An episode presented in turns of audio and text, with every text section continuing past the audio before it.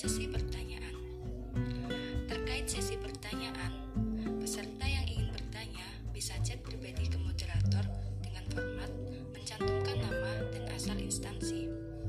Pertanyaan akan diambil tiga penanya tercepat dan wajib menggunakan VN atau voice note. 3. Setelah pemaparan materi dan sesi tanya jawab selesai, kami akan membuka grup kembali untuk memberikan waktu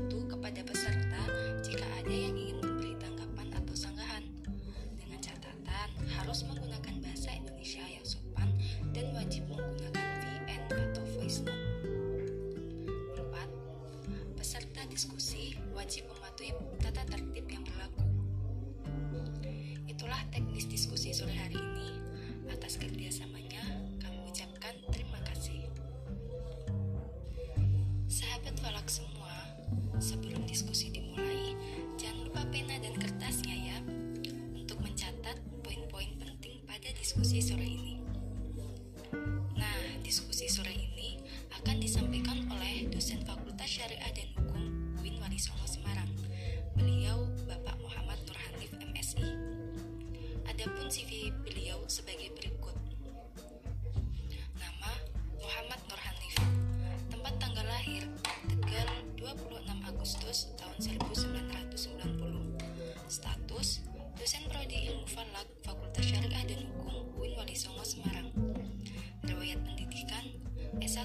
S1 Ilmu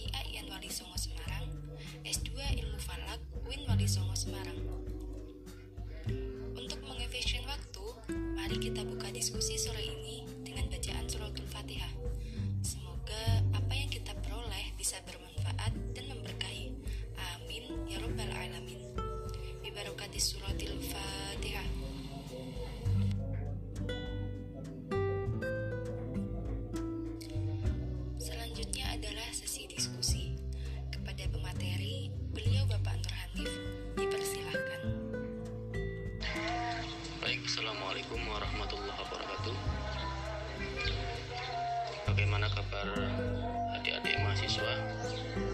Semoga kita semua senantiasa diberikan kesehatan, sehat walafiat Dan semoga kita dapat menjumpai malam seribu yang penuh dengan keberkahan dan penuh dengan kemuliaan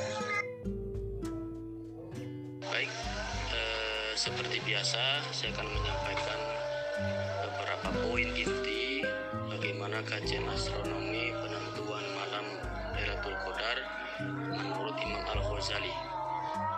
Sebetulnya banyak ulama-ulama yang beristihad bagaimana cara menentukan awal atau istilah kata malam Lailatul Qadar yang ada hubungannya dengan awal Ramadan. Namun sebelumnya harus kita ketahui apa itu yang dinamakan malam Lailatul Qadar. Malam itu disebut dengan malam yang penuh keberkahan di mana Allah Subhanahu wa taala menurunkan Al-Qur'an pada malam tersebut yakni pada salah satu malam di bulan Ramadan.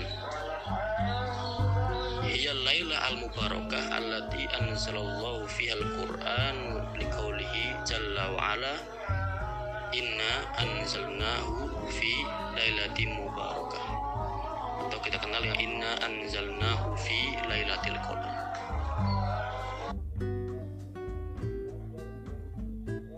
Kemudian Kasir berkata dalam tafsirnya bahwa Ibnu Abbas berkata Allah Subhanahu wa taala menurunkan Al-Qur'an dalam satu keseluruhan. Ini jumlatan wahidah. Dari mana dari Lailatul dari Lauhil Mahfud ke Baitul Izza di langit dunia. Kemudian diturunkan kepada Rasulullah SAW secara berangsur dan terperinci sesuai dengan situasi dan kondisi yang dibutuhkan. Bisa dilihat di slide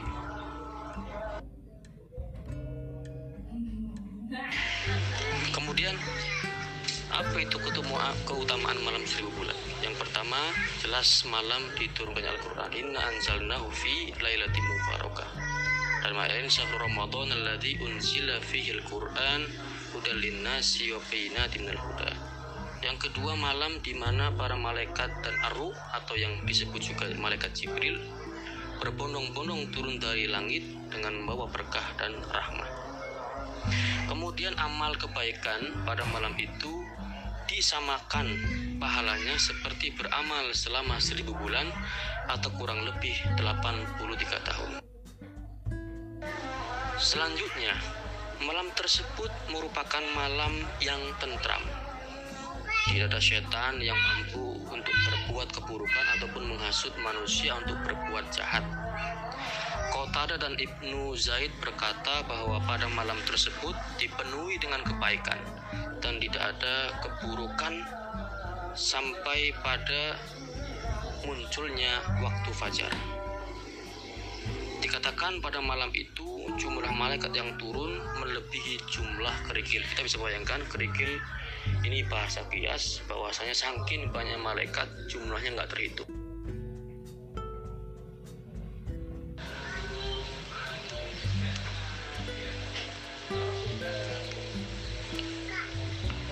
Baik. Lalu kapan terjadinya malam Lailatul Qadar? Dalam kitab Sutu Ul Badri Fadhaili Lailatul Qadar karya Ibrahim bin Abdullah Musa Al-Hazimi disebutkan bahwa ada 58 kaul atau pendapat tentang riwayat terjadinya malam seribu bulan atau Lailatul Qadar dan semua merujuk pada riwayat hadis dan asar para sahabat Nabi Shallallahu Alaihi Wasallam. Namun kaul yang paling arjah atau unggul adalah bahwa malam seribu bulan tersebut terjadi pada 10 akhir pada bulan Ramadan. Imam Al-Ghazali salah satu ulama besar yang dikenal dengan Hujatul Islam. Beliau beristihad dan kemudian membuat suatu kaidah bagaimana cara untuk mengetahui atau memprediksi kapan terjadinya malam Lailatul Qadar. Nah, menurut beliau, qala Al-Ghazali wa ghairuhu innaha tu'lamu fihi bil yaumil awal min syahr. Bahwasanya malam seribu bulan dapat diketahui dengan hari pertama dari bulan Kamar atau Hijriyah. Fa in kana awwaluhu yaumal ahad au yaumal arbi'a fahiya lailatun tis'un wa ashirin. Jika awal bulan tersebut diawali dengan hari Ahad atau hari Rabu, maka malam itu akan jatuh pada malam ke-29.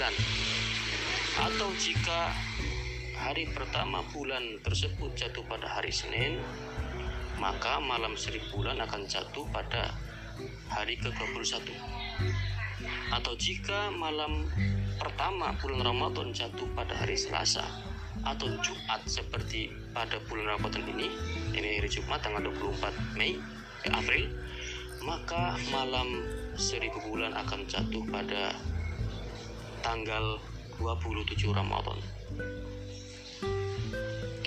Atau ketika awal bulan Ramadan jatuh pada hari Kamis, maka malam seribu bulan akan jatuh pada malam ke-25 atau ketika hari pertama Ramadan hari Sabtu maka malam tersebut akan jatuh pada malam ke-23 nah kemudian direspon oleh Syekh Abdul Hasan bahwasanya ia berkata wa mundu balaghtu sinnar rijal ma fatatni lailatul qadar bihadhil qaidah al madhkurah dengan kaidah tersebut Abdul Hasan Asyadili semenjak ia dewasa tidak pernah kelewatan malam Lailatul Qadar dengan kaidah yang dibuat oleh Imam Al-Ghazali. Uh, di atas merupakan slide asli foto dari kitab I'anatul Talibin halaman 257 dan 258 di situ tertera ada pendapat Imam Al-Ghazali yang kemudian dibuatkan nazam kaidah-kaidah penentuan malam Lailatul Qadar. Di bawahnya ada uh, tabel prediksi malam seribu bulan. Yang pertama itu milik Imam Al-Ghazali dan Imam Qayyubi. Jadi baca kemudian versi yang lain ada versi Imam Ash-Shadili. Kemudian yang ketiga versi Ibrahim Al-Bajuri. Semua merupakan hasil istihad para imam besar.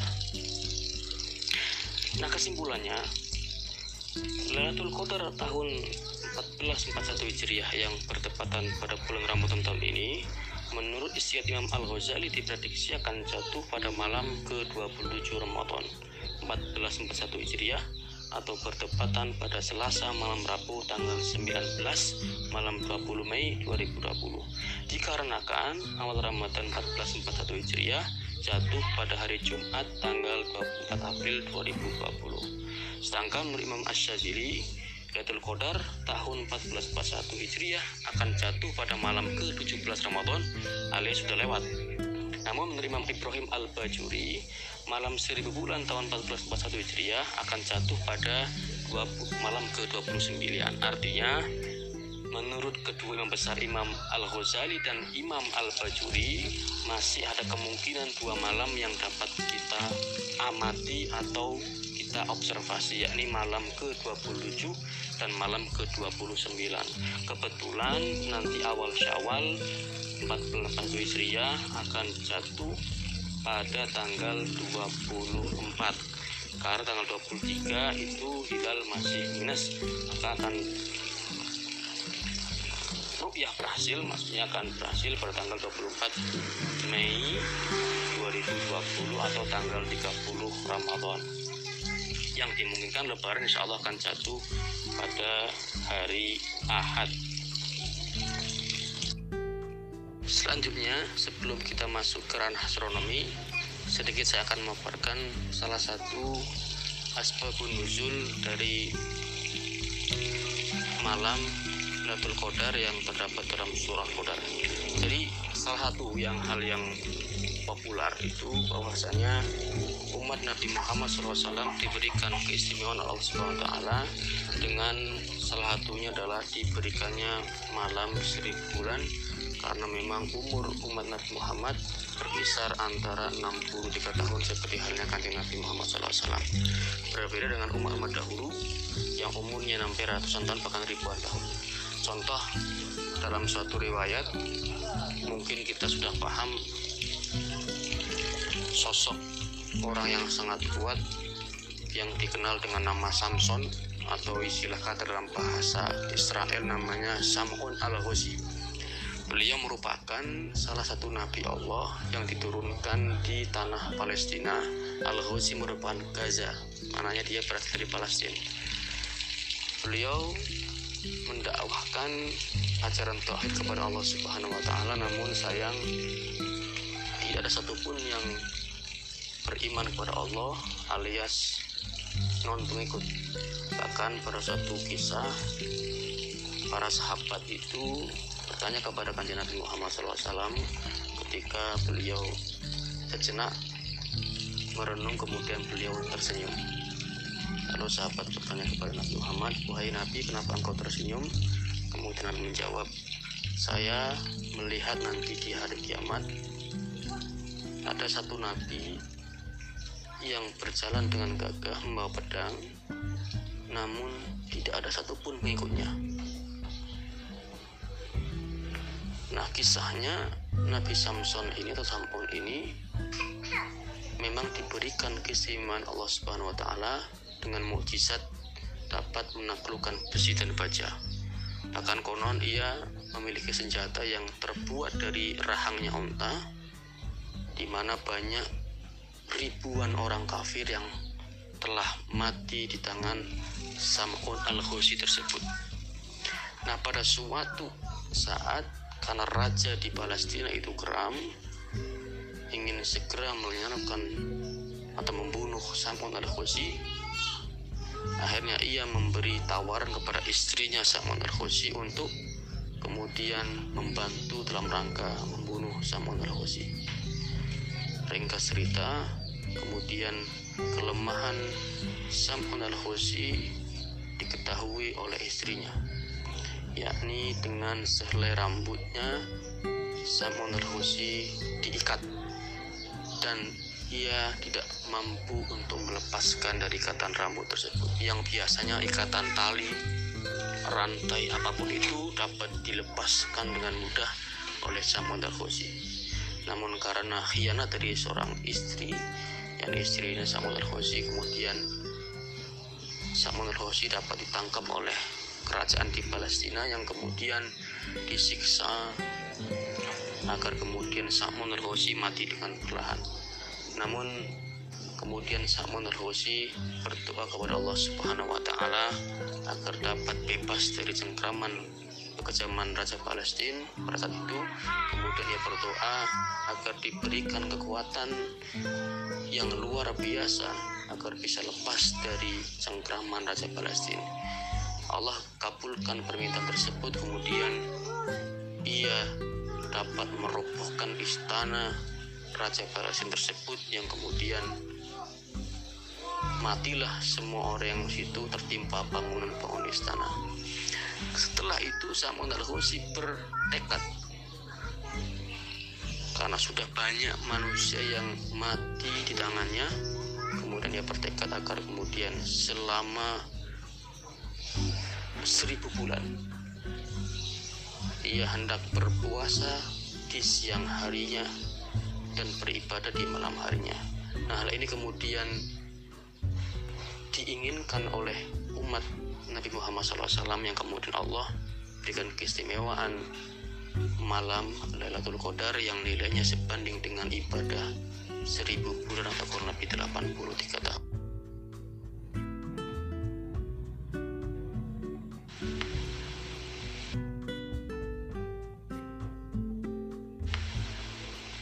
hubungannya malam Lailatul Qadar dengan astronomi atau kita dapat bisa mengkritisi pemikiran Ghazali. Yang pertama tentu ada hubungannya dengan pergerakan benda langit karena Nabi Muhammad SAW memberikan tanda-tanda atau alamat malam seribu bulan dengan patokan benda langit. Yang pertama, Salah satu ciri-ciri yang terdapat pada malam Lailatul Qadar hadis Abu Hurairah. Kami pernah berdiskusi tentang malam seribu bulan di si Rasulullah SAW lalu berkata siapakah dari kalian yang masih ingat tatkala bulan muncul yang berukuran separuh nampan. Maknanya ini ada hubungannya dengan fase bulan. yakni fase bulan tidak akan berukuran separuh nampan kecuali pada quarter pertama first quarter atau second quarter seperempat kedua dan seperempat pertama itu terjadi pada saat setelah munculnya hilal. Kemudian seperempat kedua setelah bulan purnama dan kembali lagi akan mati atau muak yang kemudian akan muncul hilal lagi. Nah, seperempat kedua ini terjadi pada 10 akhir pada peredaran fase bulan.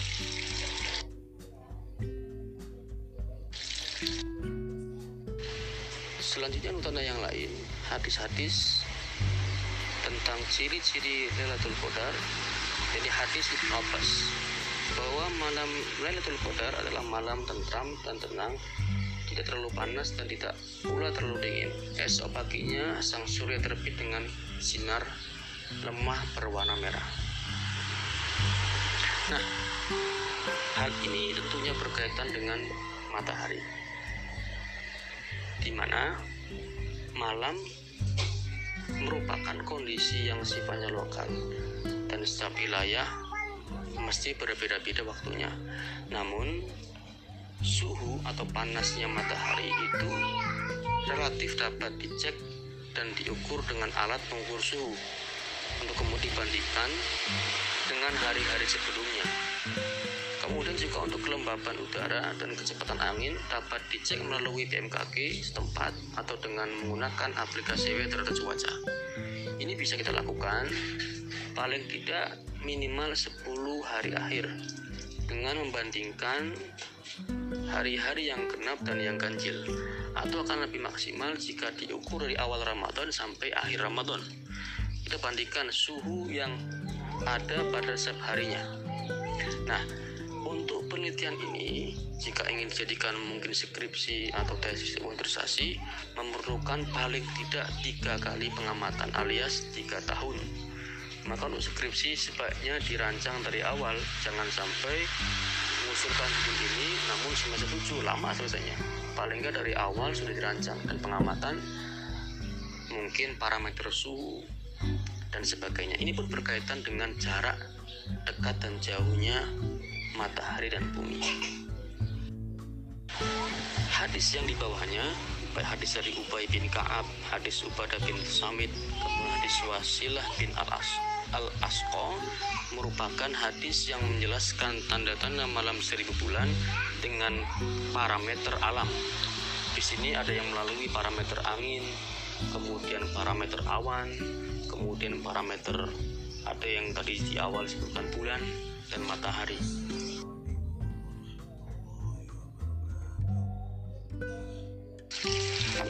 Selanjutnya, sekalipun malam seribu bulan dapat diprediksi namun Allah Subhanahu wa taala memang merahasiakan tepatnya kapan malam itu akan terjadi. Namun Rasulullah SAW memberikan patokan yang paling dekat yakni patokan 10 hari akhir. Bahkan Nabi Muhammad SAW dalam satu hadis menyatakan bahwasanya ia beriktikaf lebih kencang daripada hari-hari sebelumnya sampai kemudian ia wafat yakni pada 10 hari akhir Ramadan. Nah, apa hikmah dirahasiakannya waktu Lailatul Qadar dalam kitab Taharatul Qulub wal Khudu lil Imam Al-Ghuyub Sayyid Abdul Aziz Ad-Darani menggunakan parabel perumpamaan menarik untuk menguraikan hikmah dirahasiakannya Lailatul Qadar. Jelaskan dengan ringan dan mudah untuk dicerna sekaligus fungsional untuk terapan. Ia mengatakan, Inna Allah Ta'ala akhfal lailatul qadari fi ramadana liyastaidal mu'minun fi sa'iri syahri kama akhfal waliyu bainal mu'minina liyahtarimal jami' Sungguhnya Allah Ta'ala merahasiakan malam seribu bulan Lailatul Qadar agar orang-orang beriman berusaha untuk melakukan ibadah dengan gigih di sisa bulan Ramadan yakni di 10 akhir bulan Ramadan. Seperti halnya Allah merasakan seorang wali di antara orang-orang beriman agar semua orang dimuliakan atau diperlukan dengan hormat.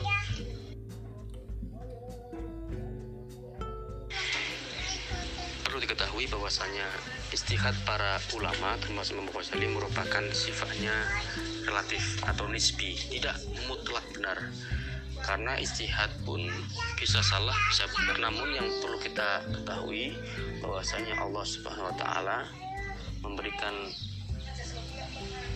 maksud tertentu bahwasanya disembunyikan dirasakan malam bulan agar kita kemudian tidak fokus 10 hari saja namun juga bisa fokus selama bulan Ramadan untuk beribadah secara khusyuk. Demikian yang dapat saya sampaikan. Kurang lebih maaf Assalamualaikum warahmatullahi wabarakatuh silakan para audiens bisa menanggapi Sahabat falak semua, silahkan dipahami terlebih dahulu materi yang telah dipaparkan. Jika kiranya ada yang masih bingung, bisa langsung ditanyakan. Untuk teknis bertanya, saya akan ingatkan lagi, peserta yang ingin bertanya, silahkan chat pribadi ke moderator dengan format nama dan asal instansi, serta wajib menggunakan VN atau voice note dan menggunakan bahasa Indonesia yang sopan. Pertanyaan akan diambil tiga penanya tercepat. Jadi, siapa cepat, dia dapat. Assalamualaikum warahmatullahi wabarakatuh. E, perkenalkan, nama saya Ahmad Murtado dari Pondok Pesantren Alhamdulillah Kemadu, Rembang. E, izinkan kami bertanya. Tadi e, dari materi yang dipaparkan oleh pemateri itu tentang klarifikasi astronomi tentang tanda-tanda Lailatul Qadar. Tadi dijelaskan adanya uh, pada uh, first quarter rembulan dan second quarter rembulan. Artinya itu tadi uh, penjelasannya terlalu singkat dan belum bisa atau kurang bisa difahami. Mohon untuk dijelaskan kembali terima kasih Assalamualaikum warahmatullahi wabarakatuh Baik, sudah ada yang bertanya. Uh, untuk pertanyaan pertama yaitu dari saudara Ahmad Murtado dari Pondok Pesantren Alhamdulillah Kemadu Rembang. Berikut pertanyaannya.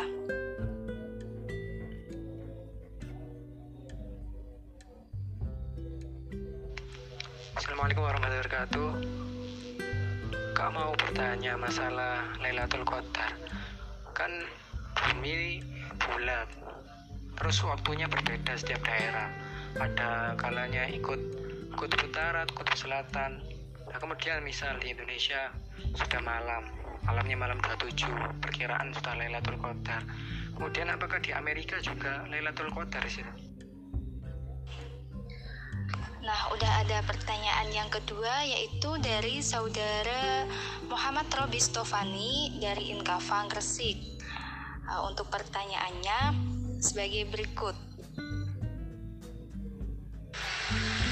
Baik, terima kasih untuk responnya bahwa Nabi Muhammad SAW itu pernah menyatakan dalam hadisnya yang dipercakapkan antara sahabatnya dengan beliau bahwa malam seribu bulan itu muncul di saat bulan itu berukuran seperempat Nah, ukuran seperempat itu merupakan bagian dari fase-fase bulan. Ada dua fase bulan yang ukuran seperempat. Yang pertama fase kuarter pertama itu terjadi pada saat hilal sampai kemudian tujuh hari pertama. Nah, tujuh ditambah tujuh sama 14 atau 15 kemudian bulan purnama. Nah, seperempat kedua itu terjadi pada akhir bulan Hijriah yakni setelah keberadaan bulan purnama nah di sinilah seperempat kedua ini atau dikenal dengan 10 akhir terjadi malam seribu bulan yang kemudian Nabi beri batasan di setiap malam-malam yang ganjil malam 21, malam 23, malam 25, 27 dan 29 itu salah satu hadis alamat atau tanda-tanda malam Lailatul Qadar yang dihubungkan dengan bulan. Sedangkan yang lain tadi ada yang menyebutkan dalam hadis hubungannya dengan udara, ada yang dihubungkan dengan cahaya matahari, kemudian ada angin dan sebagainya, ada cuaca, ada suhu, tidak panas, tidak dingin, itu semuanya merupakan tanda-tanda alam yang merupakan bagian ranah dari ilmu astronomi. Karena astronomi sangat luas ada kajian fokus ke dalam benda langit ada fokus kajian ke geodesi astronomi geodesi bumi kemudian ada fokus ke kajian suhu dan sebagainya Baik, Bismillahirrahmanirrahim Assalamualaikum warahmatullahi wabarakatuh Perkenalkan, nama saya Nurul Wasila Wahidin uh, dari Prodi Ilmu Falak UIN Alauddin Makassar. Uh, sebelumnya, terima kasih atas penjelasan yang disampaikan oleh uh, Al Ustaz uh, terkait materi, uh, materi uh, yang, yang tadi. Uh, kemudian pertanyaan saya, sebagaimana yang dijelaskan bahwa uh, ada pula hadis yang menyatakan kemungkinan malam uh, Lailatul Qadar terjadi pada awal bulan Ramadan. Uh, uh, kemudian, uh, apakah malam Lailatul Qadar uh, dapat terjadi di awal bulan Ramadan tersebut dan apa uh, dan data apa saja yang uh, dapat menjelaskan benar atau tidaknya pada malam Lailatul Qadar tersebut uh, terjadi di awal Ramadan jika dihubungkan dengan astronomi. Syukron. Wassalamualaikum warahmatullahi wabarakatuh. Baik teman-teman, ini sudah ada pertanyaan yang ketiga yaitu sebagai pertanyaan terakhir dari saudari Nurul Wasilah Wahidin dari Win Alauddin Makassar. Untuk pertanyaannya sebagai berikut.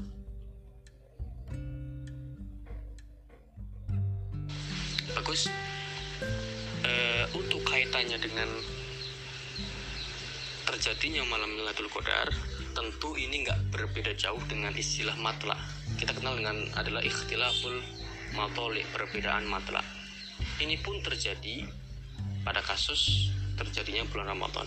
Nah, ini kemudian yang saya sebutkan dalam PowerPoint sebenarnya ada 58 pendapat yang salah satunya itu pun mengatakan bahwasanya malam itu terjadi pada tanggal 17 pas nuzulul Quran itu ada kemudian yang menyebut setiap bulan Ramadan dari tanggal 1 sampai tanggal 29 atau 30 kemungkinan terjadi malam Lailatul Qadar. Nah, namun yang paling arjah atau pendapat yang paling unggul itu terjadi pada malam 10 akhir. Nah, 10 akhir tersebut katakanlah di Indonesia misalkan tanggal 27 misalkan. Namun di Amerika itu selisihnya kurang lebih 12 jam. Jadi di sini misalkan jam 6 pagi di sana itu oh enggak maaf 24 jam. Di sini jam 6 pagi, di sana jam 6 malam maka tentunya kondisi ini disesuaikan dengan kondisi alam sekitar lokal atau istilahnya berpengaruh dengan konsep ikhtilaful matoli atau matla-matla yang lokal.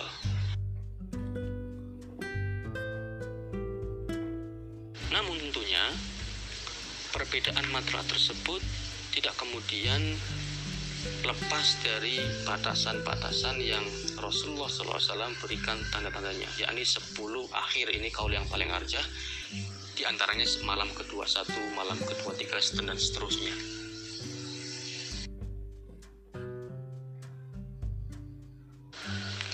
Sebetulnya untuk kaul atau pendapat yang menyatakan bahwasanya Ramadan itu bukan permulaan namun seluruh Ramadan itu menurut satu kaul kemungkinan terjadi yang namanya malam Lailatul Qadar. Ada beberapa hadis yang menyatakan ada yang menyebutkan malam ke 7, ada malam ke 9, bahkan ada yang malam ke 6, juga ada malam yang ke 17, ada malam yang ke 14 dan sebagainya. Namun ini karena memang malam ini berpindah-pindah dari tahun ke tahun. Tapi yang lebih tepatnya itu perpindahan malam itu perpindahnya relatif di 10 hari akhirnya yang kaul yang arja nah adapun kaul yang menyatakan seluruh Ramadan itu kemungkinan akan muncul malam seribu bulan itu mendasari bahwasanya memang malam ini malam di mana diturunkannya Al-Quran jumlatan wahidah kapan itu dikenal dengan istilah nuzul Quran pada tanggal 17 Ramadan. Ini alasan mereka bahwasanya malam Lailatul Qadar itu pernah terjadi bukan di 10 akhir Ramadan. Nah, di atas itu saya berikan suatu paper atau jurnal mengenai bagaimana penafsiran dan prediksi penentuan malam seribu bulan melalui earthquake gempa bumi. Jadi pembacaan gempa bumi itu dipakai sebagai parameter untuk menentukan atau memprediksi malam Lailatul Qadar. Nah, karena pengamat atau penulis tersebut berasumsi ada hubungannya dengan getaran atau kondisi lokal pada saat malam itu terjadi. Nah, yang bisa mengukur atau merasakan sensitivitas, getaran, dan sebagainya adalah alat pengukur gempa bumi tersebut. Nah, dilakukan beberapa tahun dan ada hasilnya yang berkesimpulan terjadi pernah tanggal 8, pernah tanggal 12, juga tanggal 25 dan 21. Sekilas saya amati memang berbeda dengan hasil istihad Imam Ghazali dalam kaidah penentuan awal atau malam Lailatul Qadar. Saya hitung awal bulan yang dipakai oleh peneliti tersebut salah satunya adalah tahun 1432, tahun 1431 dan 1429. Saya cek awal Ramadannya namun tidak pas dengan apa yang diasumsikan oleh Imam Al-Ghazali, berbeda hasilnya.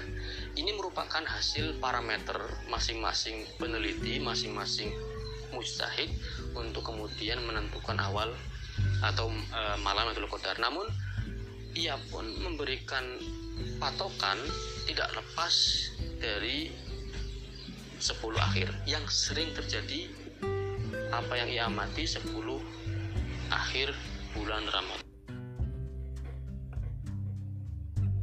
Ada kemudian alamat-alamat atau tanda penentuan malam Lailatul Qadar. Salah satu ini yang masih syaz atau istilah kata lemah.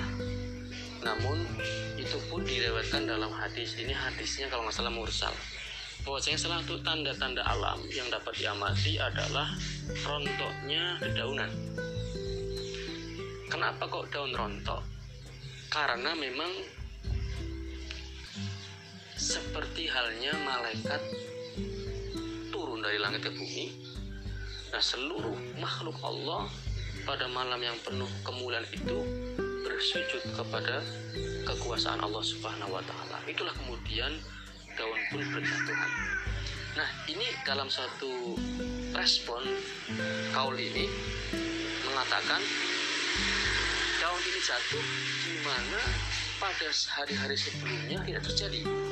Jadi daun itu normal, tidak berguguran. Namun ketika malam itu pada berjatuhan. Nah ini salah satu kaul namun ini kaul yang kemudian hadisnya hadis mursal lalu kemudian yang dimaksud dengan cahaya matahari muncul di pagi hari itu tidak terlalu kuat cahayanya kemudian tidak terlalu silau menurut versi filsafatnya kenapa alasannya karena memang tertutup oleh sayap-sayap para malaikat karena sangkin banyaknya jumlah malaikat yang turun pada malam itu sehingga berefek pada cahaya matahari yang terhalang. Nah, ini namun bisa diamati secara astronomi, ini kaitannya dengan luminositas dalam bab fisika atau astrofisika terdapat bab tersebut yang membahas tentang intensitas cahaya seberapa silaukah, seberapa kuatkah cahaya muncul pada saat terbit dan pada saat terbenam. Dan ini bisa diamati dan bisa dicek dengan alat pengukur suhu tentunya. Alat pengukur suhu ruangan yang outdoor luar, luar maksudnya. Itu bisa menjadi parameter misalkan selama 30 hari atau 29 hari Ramadan kita memberikan atau mengadakan uji uji suhu tanggal 1 sampai kemudian selesai atau paling tidak 10 hari akhir untuk mengetahui perbedaan suhu pada saat matahari muncul terbit khususnya pada malam-malam yang ganjil tersebut 10 hari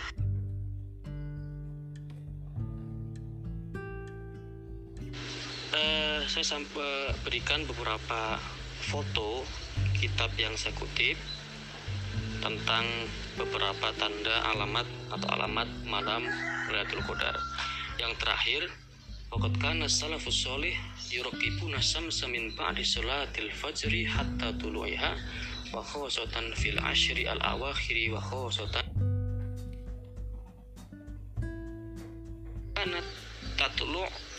la syi'a alaha. Jadi Imam Hasan al-Basri pun mengamati matahari selama kurang lebih 20 tahun ya. Dan ditambah 24 malam. Jadi lama sekali. Dan beliau mengamati bahwasanya matahari pada saat pengamatan tersebut muncul tidak ada sinar yang sangat menyilaukan alias cahayanya redup seperti cahaya muncul pada saat bulan purnama seperti itu permisalannya sesi tanya jawab yang sudah berlangsung. Selanjutnya, kami akan membuka grup kembali untuk memberi kesempatan kepada teman-teman yang ingin memberikan terkait diskusi sore ini.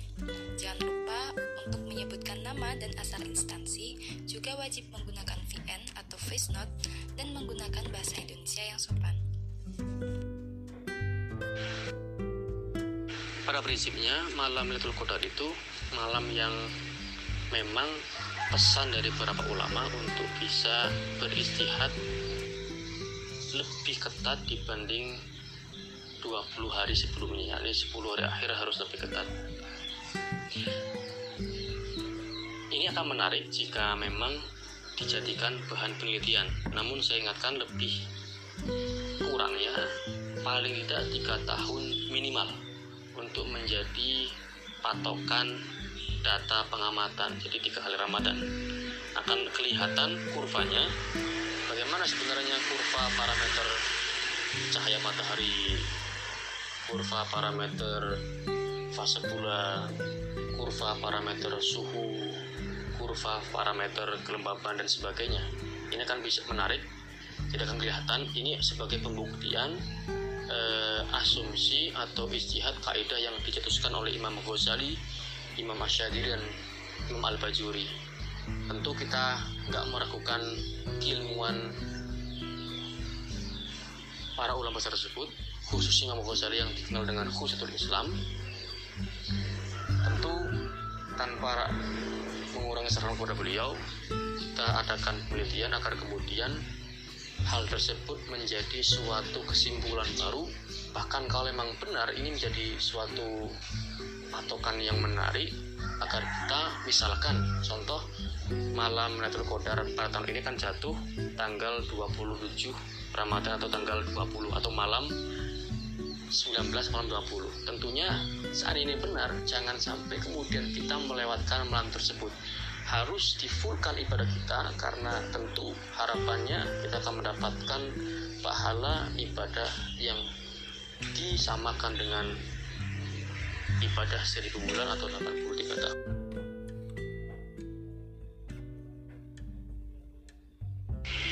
Gambar di atas merupakan simulasi dari aplikasi tentang posisi bumi dan matahari dalam artian tanggal 20 pada saat matahari muncul. Nah, posisinya bumi itu diapit atau di, di ya diapit tuh oleh Venus dalam artian posisinya matahari, Venus dan bumi. Ketika kita putar, tambahkan harinya, maka posisi Venus akan bergerak menjauh dari bumi. Nah, ini mungkin diasumsikan kenapa cahaya matahari tidak terlalu panas, tidak terlalu silau, bisa kemungkinan ada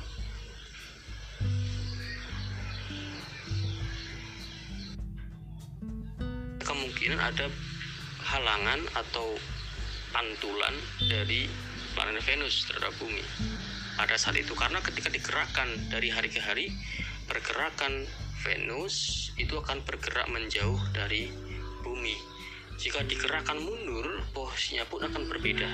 Dan ini terjadi mendekat pada tanggal 20 Mei.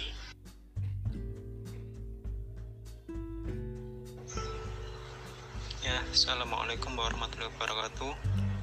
Saya Ahmad Syafi'i dari Mahat Ali Al Hasaniyah, Sendang Senori Tuban.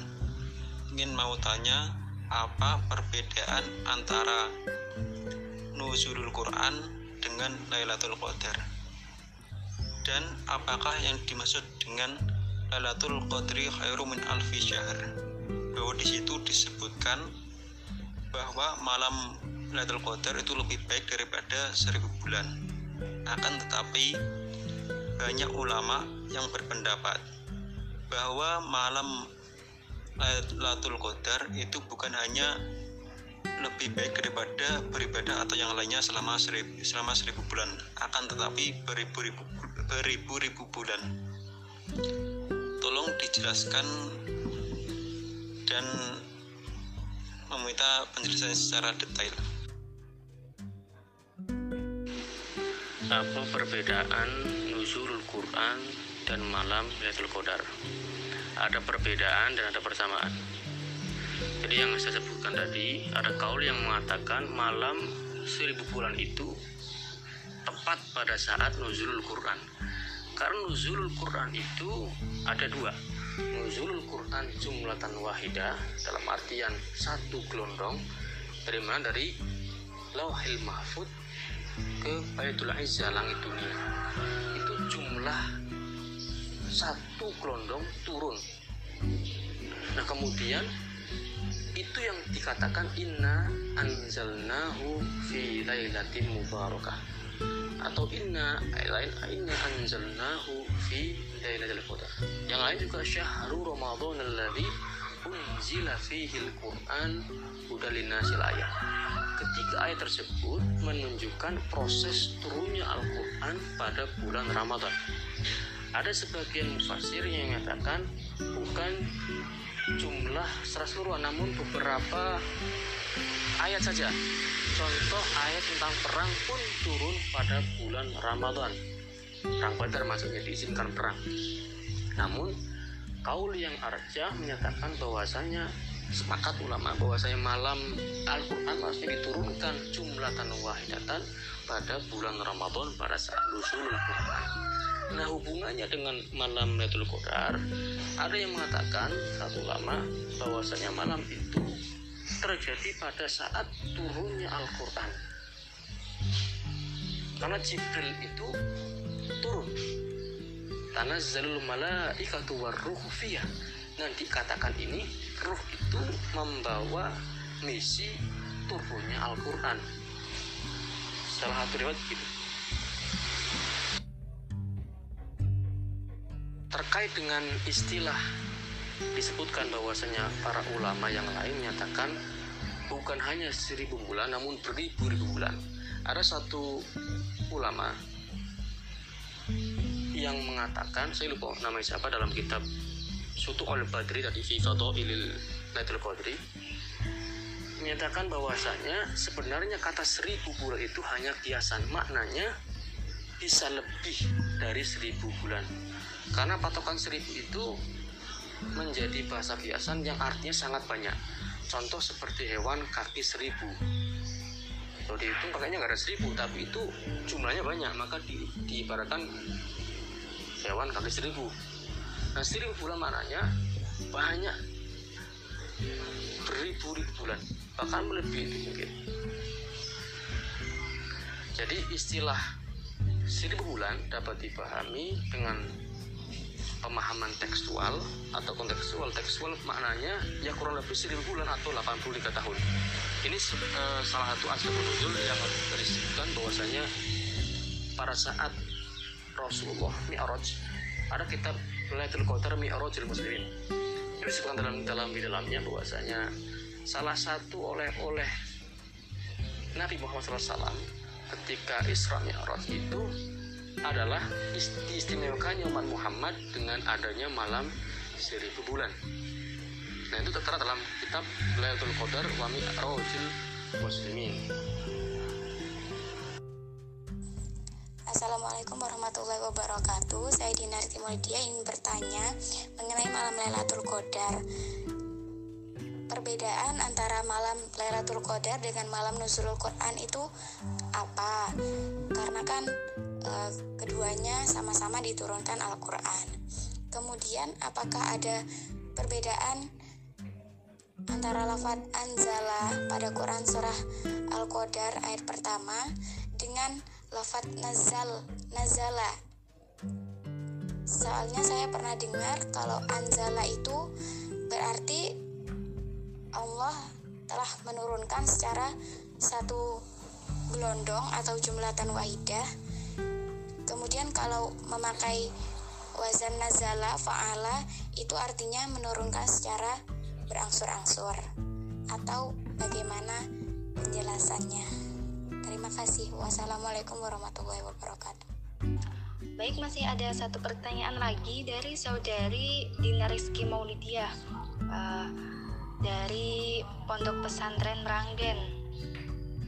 Kepada Bapak Nur Hanif, uh, kami persilahkan untuk menanggapi pertanyaan tersebut.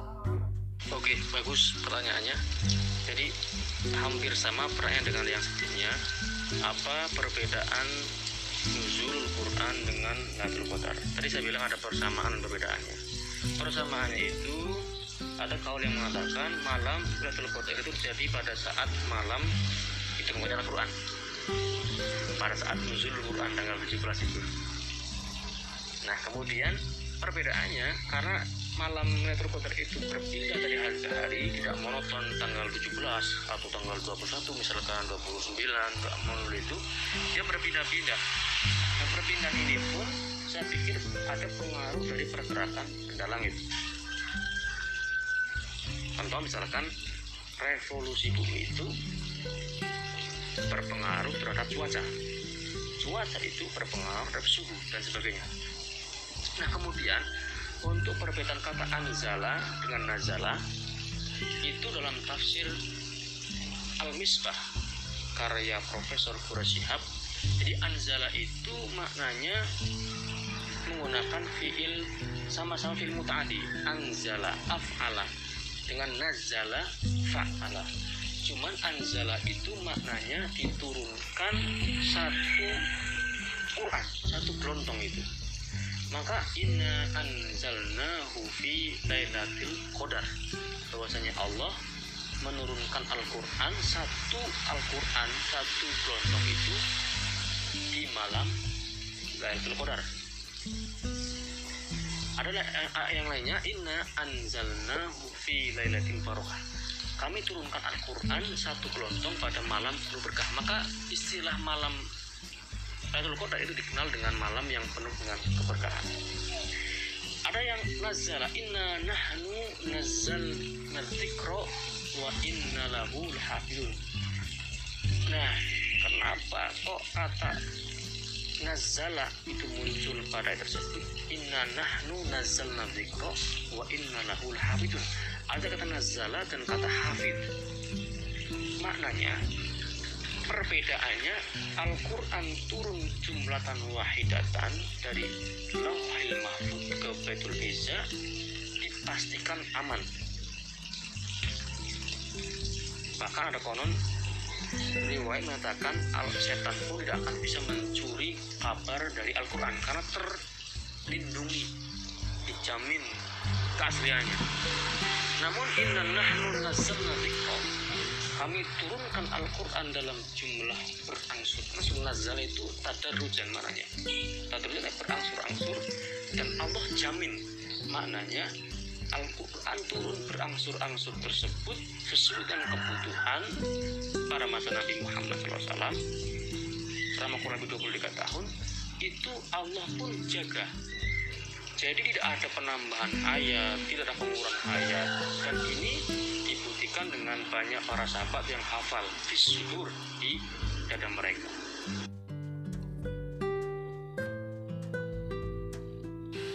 Alhamdulillahirrahmanirrahim Diskusi sore ini berjalan dengan lancar tanpa ada halangan apa pun.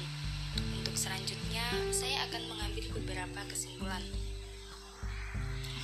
Lailatul Qadar adalah satu malam yang penting terjadi pada bulan Ramadan yang dalam Al-Quran digambarkan sebagai malam yang lebih baik dari seribu bulan dan juga diperingati sebagai malam diturunkannya Al-Quran.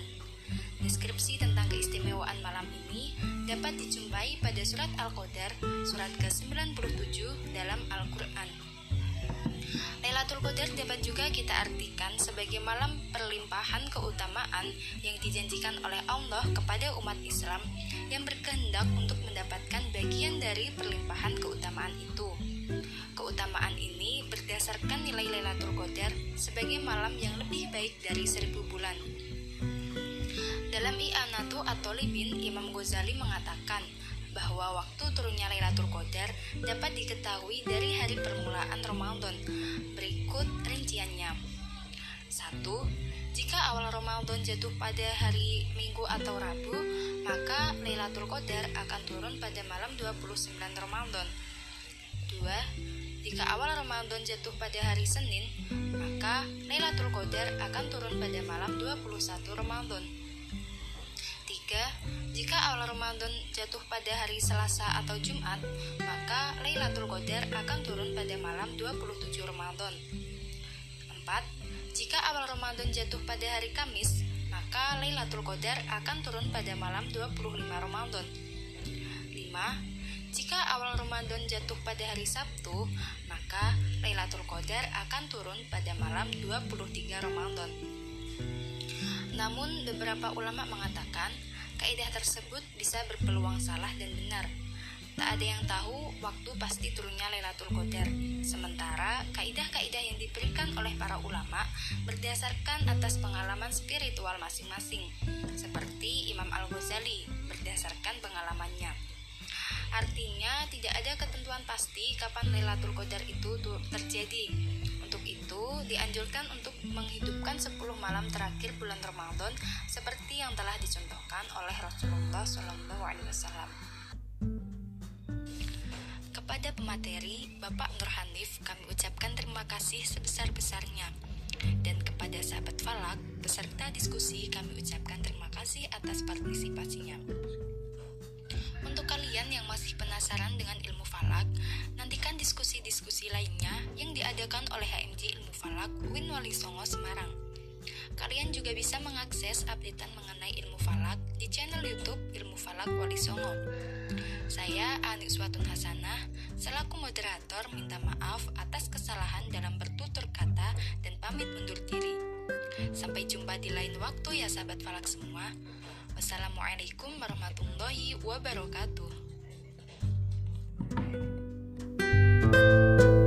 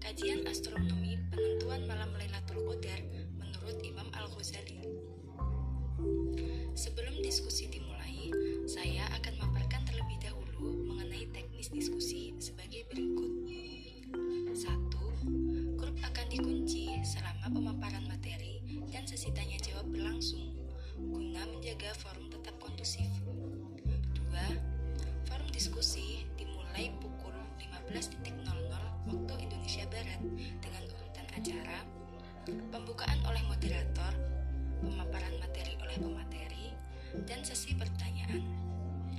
Terkait sesi pertanyaan, peserta yang ingin bertanya bisa chat pribadi ke moderator dengan format mencantumkan nama dan asal instansi.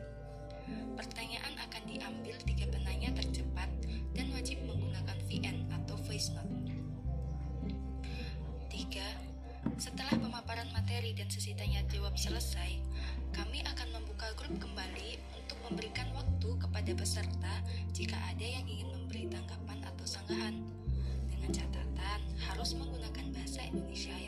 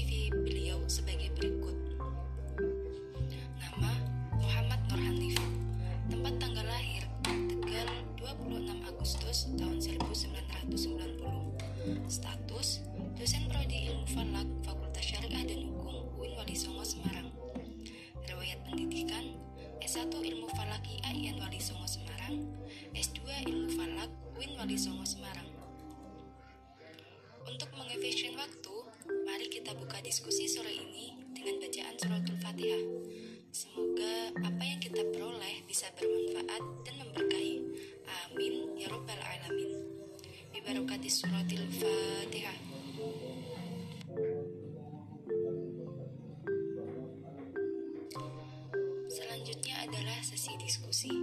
Kepada pemateri, beliau Bapak Nur Hanif dipersilahkan. Baik, Assalamualaikum warahmatullahi wabarakatuh. Bagaimana kabar adik-adik mahasiswa? Semoga kita semua senantiasa diberikan kesehatan, sehat walafiat, dan semoga kita dapat menjumpai malam seribu bulan yang penuh dengan keberkahan dan penuh dengan kemuliaan. Baik, eh, seperti biasa saya akan menyampaikan beberapa poin inti bagaimana kajian astronomi penentuan malam Lailatul Qadar menurut Imam Al-Ghazali. Sebetulnya banyak ulama-ulama yang beristihad bagaimana cara menentukan awal atau istilah kata malam Lailatul Qadar yang ada hubungannya dengan awal Ramadan. Namun sebelumnya harus kita ketahui apa itu yang dinamakan malam Lailatul Qadar. Malam itu disebut dengan malam yang penuh keberkahan di mana Allah Subhanahu wa taala menurunkan Al-Qur'an pada malam tersebut yakni pada salah satu malam di bulan Ramadan. Hiya laila al-mubarakah allati anzalallahu fiha al-Qur'an liqaulihi jalla wa ala. Inna anzalnahu fi lailatin mubarakah. Atau kita kenal yang inna anzalnahu fi lailatul qadar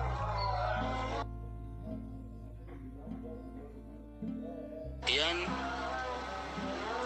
Al-Hafidh Ibnu Kasir berkata dalam tafsirnya bahwa Ibnu Abbas berkata Allah Subhanahu wa taala menurunkan Al-Qur'an dalam satu keseluruhan.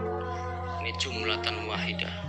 Dari mana dari Lailatul dari Lauhil Mahfud ke Baitul Izzah di langit dunia. Kemudian diturunkan kepada Rasulullah SAW secara berangsur dan terperinci sesuai dengan situasi dan kondisi yang dibutuhkan. Bisa dilihat di slide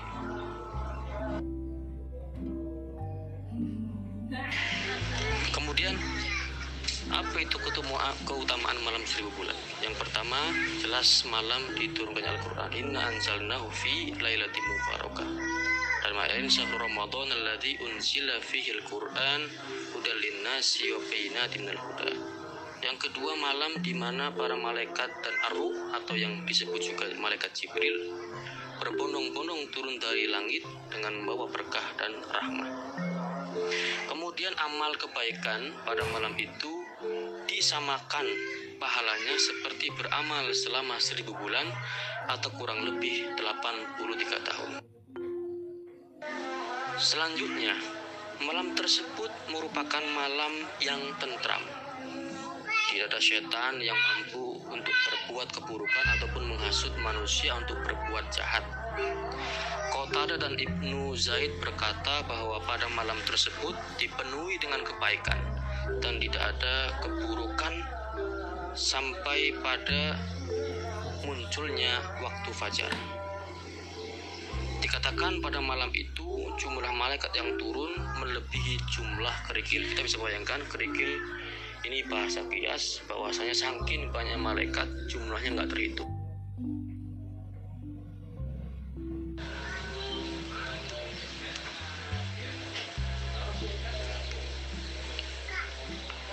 Baik. Lalu kapan terjadinya malam Lailatul Qadar? Dalam kitab Sutu'ul Badri bi Fadhaili Lailatul Qadar karya Ibrahim bin Abdullah Musa Al-Hazimi disebutkan bahwa ada 58 kaul atau pendapat tentang riwayat terjadinya malam seribu bulan atau Lailatul Qadar dan semua merujuk pada riwayat hadis dan asar para sahabat Nabi Shallallahu Alaihi Wasallam. Namun, kaul yang paling arjah atau unggul adalah bahwa malam seribu bulan tersebut terjadi pada 10 akhir pada bulan Ramadan. Nah, Imam Al-Ghazali salah satu ulama besar yang dikenal dengan Hujatul Islam. Beliau beristihad dan kemudian membuat suatu kaidah bagaimana cara untuk mengetahui atau memprediksi kapan terjadinya malam Lailatul Qadar. Nah, menurut beliau, Qala al-Ghazali wa ghairuhu innaha tu'lamu fihi bil yaumil awal min syahr min syahr bahwasanya malam seribu bulan dapat diketahui dengan hari pertama dari bulan Kamar atau Hijriah. Fa in kana awwaluhu yaumal ahad aw yaumal arbi'a fahiya lailatun tis'un wa ashirin. Jika awal bulan tersebut diawali dengan hari Ahad atau hari Rabu, maka malam itu akan jatuh pada malam ke-29. Atau jika hari pertama bulan tersebut jatuh pada hari Senin, maka malam seribu bulan akan jatuh pada hari ke-21. Atau jika malam pertama bulan Ramadan jatuh pada hari Selasa, atau Jumat seperti pada bulan Ramadan ini, ini hari Jumat tanggal 24 Mei, eh, April, maka malam seribu bulan akan jatuh pada tanggal 27 Ramadan. Atau ketika awal bulan Ramadan jatuh pada hari Kamis, maka malam seribu bulan akan jatuh pada malam ke-25. Atau ketika hari pertama Ramadan hari Sabtu, maka malam tersebut akan jatuh pada malam ke-23. Nah, kemudian direspon oleh Syekh Abdul Hasan bahwasanya ia berkata, "Wa mundu balaghtu sinnar rijal ma fatatni lailatul qadar bihadhil qaidah al-madhkurah." Dengan kaidah tersebut, Abdul Hasan Asyadili semenjak ia dewasa tidak pernah kelewatan malam Lailatul Qadar dengan kaidah yang dibuat oleh Imam Al-Ghazali. Uh, di atas merupakan slide asli foto dari kitab I'anatul Talibin halaman 257 dan 258 di situ tertera ada pendapat Imam Al-Ghazali yang kemudian dibuatkan nazam kaidah-kaidah penentuan malam Lailatul Qadar. Di bawahnya ada uh, tabel prediksi malam seribu bulan. Yang pertama itu milik Imam Al-Ghazali dan Imam Qoi Qalyubi. Dibaca kemudian versi yang lain ada versi Imam Asyadili. Kemudian yang ketiga versi Ibrahim Al-Bajuri. Semua merupakan hasil istihad para imam besar. Nah kesimpulannya Lailatul Qadar tahun 1441 Hijriah yang bertepatan pada bulan Ramadan tahun ini menurut istihad Imam Al-Ghazali diprediksi akan jatuh pada malam ke-27 Ramadan 1441 Hijriah atau bertepatan pada Selasa malam Rabu tanggal 19 malam 20 Mei 2020 dikarenakan awal Ramadan 1441 Hijriah jatuh pada hari Jumat tanggal 24 April 2020 sedangkan menurut Imam Ash-Shazili Lailatul Qadar tahun 1441 Hijriah akan jatuh pada malam ke-17 Ramadan alias sudah lewat namun menurut Imam Ibrahim Al-Bajuri malam seribu bulan tahun 1441 Hijriah akan jatuh pada 20, malam ke-29. Artinya menurut kedua yang besar Imam Al-Ghazali dan Imam Al-Bajuri masih ada kemungkinan dua malam yang dapat kita amati atau kita observasi yakni malam ke-27 dan malam ke-29 kebetulan nanti awal syawal 14 Hijriah akan jatuh pada tanggal 24 karena tanggal 23 itu hilal masih minus maka akan rupiah berhasil maksudnya akan berhasil pada tanggal 24 Mei 2020 atau tanggal 30 Ramadan. Yang dimungkinkan lebaran insya Allah akan jatuh pada hari Ahad Selanjutnya, sebelum kita masuk ke ranah astronomi, sedikit saya akan memaparkan salah satu asbabun nuzul dari malam Lailatul Qadar yang terdapat dalam surah Qadar. Jadi salah satu yang hal yang populer itu bahwasanya umat Nabi Muhammad SAW diberikan keistimewaan Allah Subhanahu wa taala dengan salah satunya adalah diberikannya malam seribu bulan karena memang umur umat Nabi Muhammad berkisar antara 63 tahun seperti halnya kanjeng Nabi Muhammad SAW berbeda dengan umat-umat dahulu yang umurnya sampai ratusan tahun bahkan ribuan tahun. Contoh dalam suatu riwayat mungkin kita sudah paham sosok orang yang sangat kuat yang dikenal dengan nama Samson atau istilah kata dalam bahasa Israel namanya Sam'un al-Ghazi. Beliau merupakan salah satu nabi Allah yang diturunkan di tanah Palestina. Al-Ghazi merupakan Gaza, mananya dia berasal dari Palestina. Beliau mendakwahkan ajaran tauhid kepada Allah Subhanahu wa taala namun sayang tidak ada satupun yang beriman kepada Allah alias non pengikut. Bahkan pada suatu kisah para sahabat itu bertanya kepada kanjeng Nabi Muhammad SAW ketika beliau sejenak merenung kemudian beliau tersenyum. Lalu sahabat bertanya kepada Nabi Muhammad wahai Nabi kenapa engkau tersenyum? Kemudian Nabi menjawab saya melihat nanti di hari kiamat ada satu nabi yang berjalan dengan gagah membawa pedang namun tidak ada satupun pengikutnya nah kisahnya Nabi Samson ini atau Sampun ini memang diberikan keistimewaan Allah Subhanahu wa taala dengan mukjizat dapat menaklukkan besi dan baja. Bahkan konon ia memiliki senjata yang terbuat dari rahangnya unta di mana banyak ribuan orang kafir yang telah mati di tangan Sam'un al-Husi tersebut. Nah, pada suatu saat karena raja di Palestina itu geram ingin segera menyerahkan atau membunuh Sam'un al-Husi akhirnya ia memberi tawaran kepada istrinya Sam'un al-Husi untuk kemudian membantu dalam rangka membunuh Sam'un al-Husi ringkas cerita kemudian kelemahan Sam'un al-Husi diketahui oleh istrinya yakni dengan sehelai rambutnya Sam'un al-Husi diikat dan ia tidak mampu untuk melepaskan dari ikatan rambut tersebut. Yang biasanya ikatan tali rantai apa pun itu dapat dilepaskan dengan mudah oleh Sam'un al-Husi namun karena khianat dari seorang istri yang istrinya Samuel al-Hosi kemudian Samuel al-Hosi dapat ditangkap oleh kerajaan di Palestina yang kemudian disiksa agar kemudian Samuel al-Hosi mati dengan perlahan. Namun kemudian Sa'mun al-Husi berdoa kepada Allah Subhanahu wa taala agar dapat bebas dari cengkraman kekejaman Raja Palestina pada saat itu. Kemudian ia berdoa agar diberikan kekuatan yang luar biasa agar bisa lepas dari cengkraman Raja Palestina Allah kabulkan permintaan tersebut kemudian ia dapat merobohkan istana Raja Palestina tersebut yang kemudian matilah semua orang yang situ tertimpa bangunan-bangunan istana. Setelah itu Samun al-Husi bertekad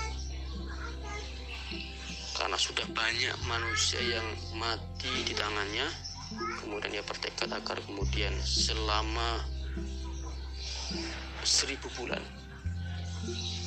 ia hendak berpuasa di siang harinya dan beribadah di malam harinya.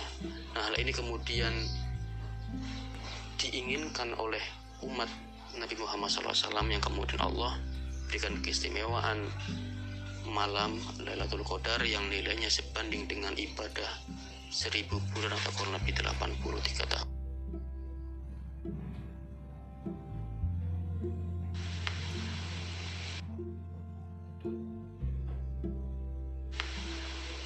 Apa hubungannya malam Lailatul Qadar dengan astronomi? Atau kita dapat bisa mengkritisi pemikiran Ghazali.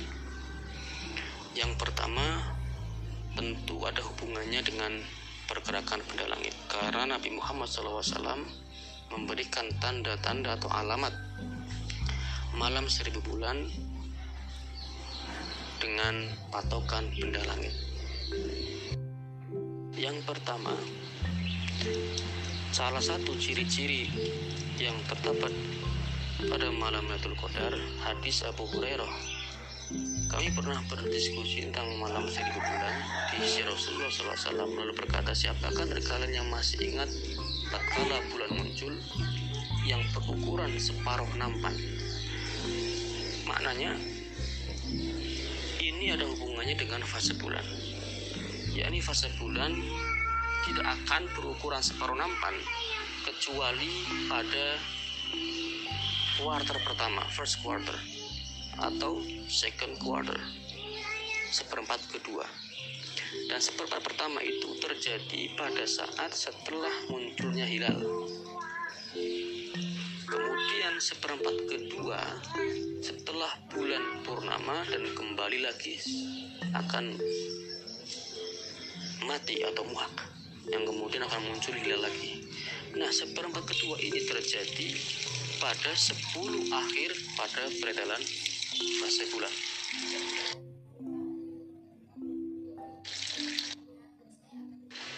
Selanjutnya tanda yang lain, hadis-hadis tentang ciri-ciri Lailatul Qadar. Jadi hadis Abbas bahwa malam Lailatul Qadar adalah malam tentram dan tenang tidak terlalu panas dan tidak pula terlalu dingin. Esok paginya sang surya terbit dengan sinar lemah berwarna merah nah hal ini tentunya berkaitan dengan matahari di mana malam merupakan kondisi yang sifatnya lokal dan setiap wilayah mesti berbeda-beda waktunya.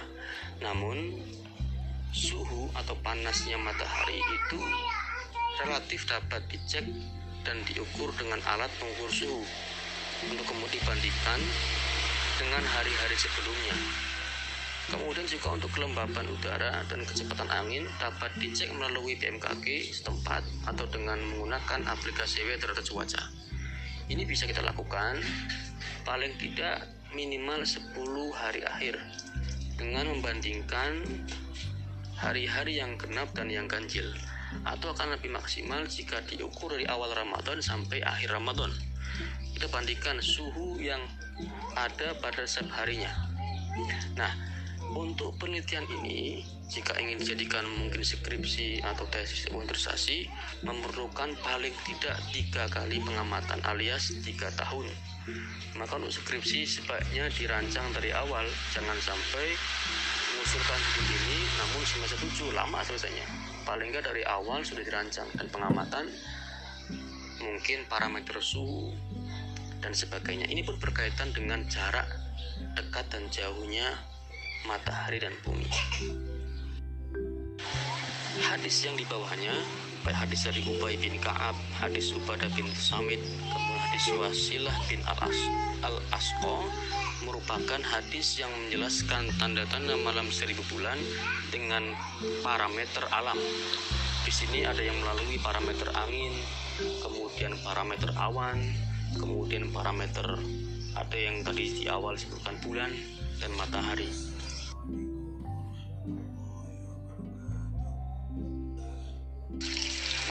Selanjutnya, sekalipun malam seribu bulan dapat diprediksi, namun Allah Subhanahu wa taala memang merahasiakan tepatnya kapan malam itu akan terjadi. Namun Rasulullah SAW memberikan patokan yang paling dekat, yakni patokan 10 hari akhir. Bahkan Nabi Muhammad SAW dalam satu hadis menyatakan bahwasanya ia beriktikaf lebih kencang daripada hari-hari sebelumnya sampai kemudian ia wafat. Yakni pada 10 hari akhir Ramadan. Apa hikmah dirahasiakannya waktu Lailatul Qadar dalam kitab Taharatul Qulub wal Khudu lil Imam Al-Ghuyub Sayyid Abdul Aziz Ad-Darani menggunakan parabel perumpamaan menarik untuk menguraikan hikmah dirahasiakannya Lailatul Qadar. Jelaskan dengan ringan dan mudah untuk dicerna sekaligus fungsional untuk terapan. Ia mengatakan Inna Allah Ta'ala akhfal lailatul qadari fi ramadana liyastaidal mu'minin fi sa'iri syahri kama akhfal waliyu bainal mu'minina liyahtarimal jami' Sungguhnya Allah Ta'ala merahasiakan malam seribu bulan Lailatul Qadar agar orang-orang beriman berusaha untuk melakukan ibadah dengan gigih di sisa bulan Ramadan yakni di 10 akhir bulan Ramadan seperti halnya Allah merasakan seorang wali di antara orang-orang beriman agar semua orang dimuliakan atau diperlukan dengan hormat.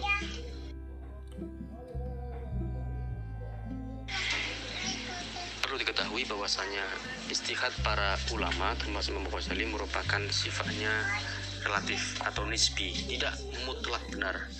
Karena istihad pun bisa salah, bisa benar. Namun yang perlu kita ketahui bahwasanya Allah Subhanahu wa taala memberikan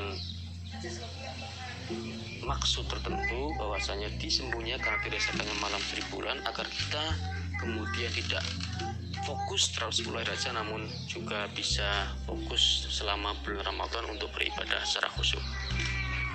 Demikian yang dapat saya sampaikan. Kurang lebih maaf. Assalamualaikum warahmatullahi wabarakatuh. Silakan para audiens bisa menanggapi. Sahabat tolak semua, silahkan dipahami terlebih dahulu materi yang telah dipaparkan. Jika kiranya ada yang masih bingung, bisa langsung ditanyakan. Untuk teknis bertanya, saya akan ingatkan lagi, peserta yang ingin bertanya, silahkan chat pribadi ke moderator dengan format nama dan asal instansi serta wajib menggunakan VN atau voice note dan menggunakan bahasa Indonesia yang sopan. Pertanyaan akan diambil tiga penanya tercepat. Jadi, siapa cepat, dia dapat. Assalamualaikum warahmatullahi wabarakatuh. E, perkenalkan, nama saya Ahmad Murtado dari Pondok Pesantren Alhamdulillah Kemadu, Rembang uh, izinkan kami bertanya. Tadi uh, dari materi yang dipaparkan oleh pemateri itu tentang klarifikasi astronomi tentang tanda-tanda Laylatul Qadar tadi dijelaskan adanya uh, pada uh, first quarter rembulan dan second quarter rembulan artinya itu tadi uh, penjelasannya terlalu singkat dan bisa atau kurang bisa difahami. Mohon untuk dijelaskan kembali. Terima kasih. Assalamualaikum warahmatullahi wabarakatuh. Baik, sudah ada yang bertanya. Uh, untuk pertanyaan pertama yaitu dari saudara Ahmad Murtaldo dari Pondok Pesantren Alhamdulillah Kemadu Rembang. Berikut pertanyaannya.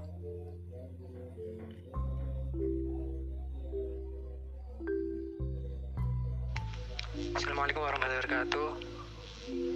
Kak mau bertanya masalah Lailatul Qadar. Kan bumi bulat. Terus waktunya berbeda setiap daerah. Ada kalanya ikut kutub utara, kutub selatan. Nah, kemudian misal di Indonesia sudah malam, malamnya malam 27, perkiraan sudah Lailatul Qadar. Kemudian apakah di Amerika juga Lailatul Qadar sih?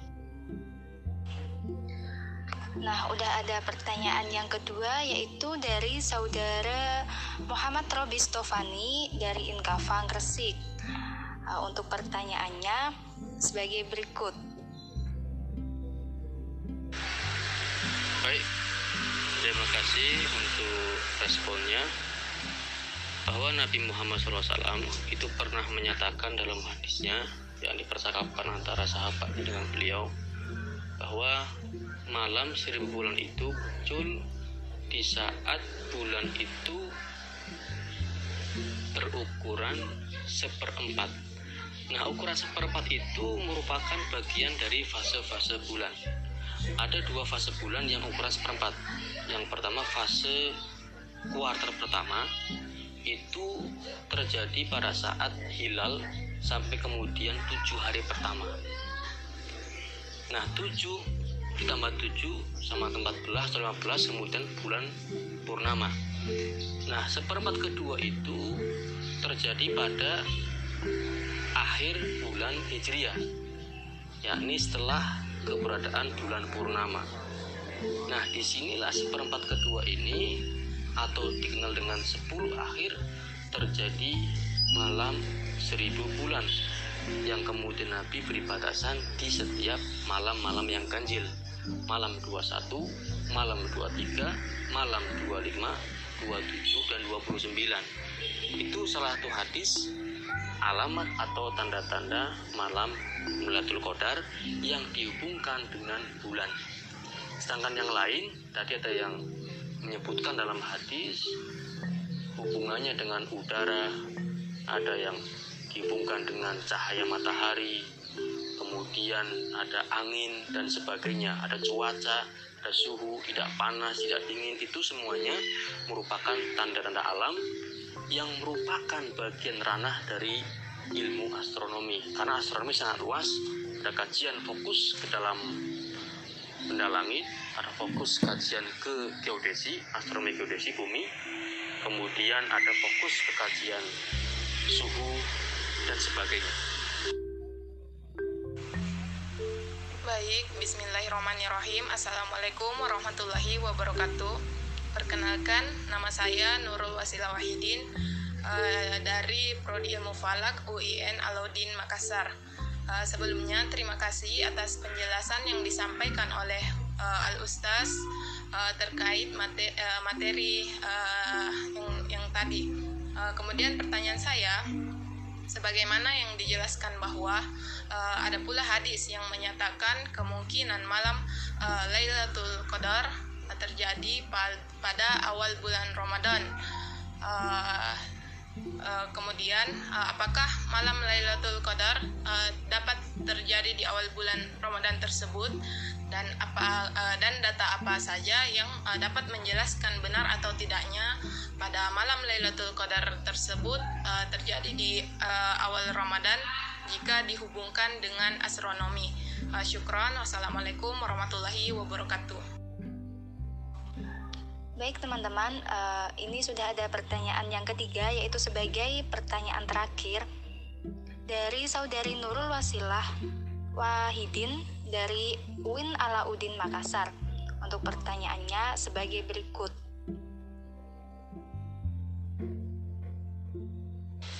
Bagus.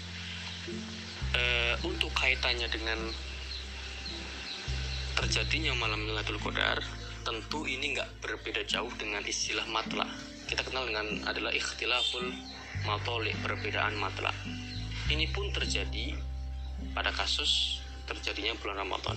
Nah ini kemudian yang saya sebutkan dalam PowerPoint sebenarnya ada 58 pendapat yang salah satunya itu pun mengatakan bahwasanya malam itu terjadi pada tanggal 17 pas nuzulul Quran itu ada kemudian yang menyebut setiap bulan Ramadan dari tanggal 1 sampai tanggal 29 atau 30 kemungkinan terjadi malam Lailatul Qadar.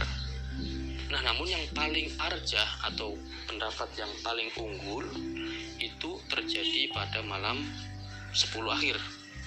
Nah, 10 akhir tersebut katakanlah di Indonesia, misalkan tanggal 27 misalkan.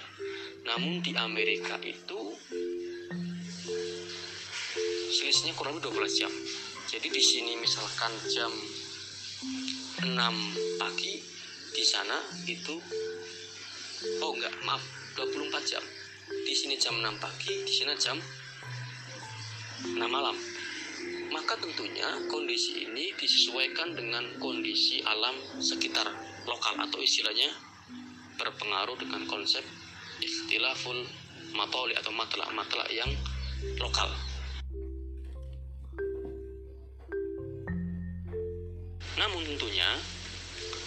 perbedaan matlamat tersebut tidak kemudian lepas dari batasan-batasan yang Rasulullah SAW berikan tanda-tandanya yakni 10 akhir ini kaul yang paling arjah di antaranya malam kedua satu, malam kedua tiga, dan seterusnya.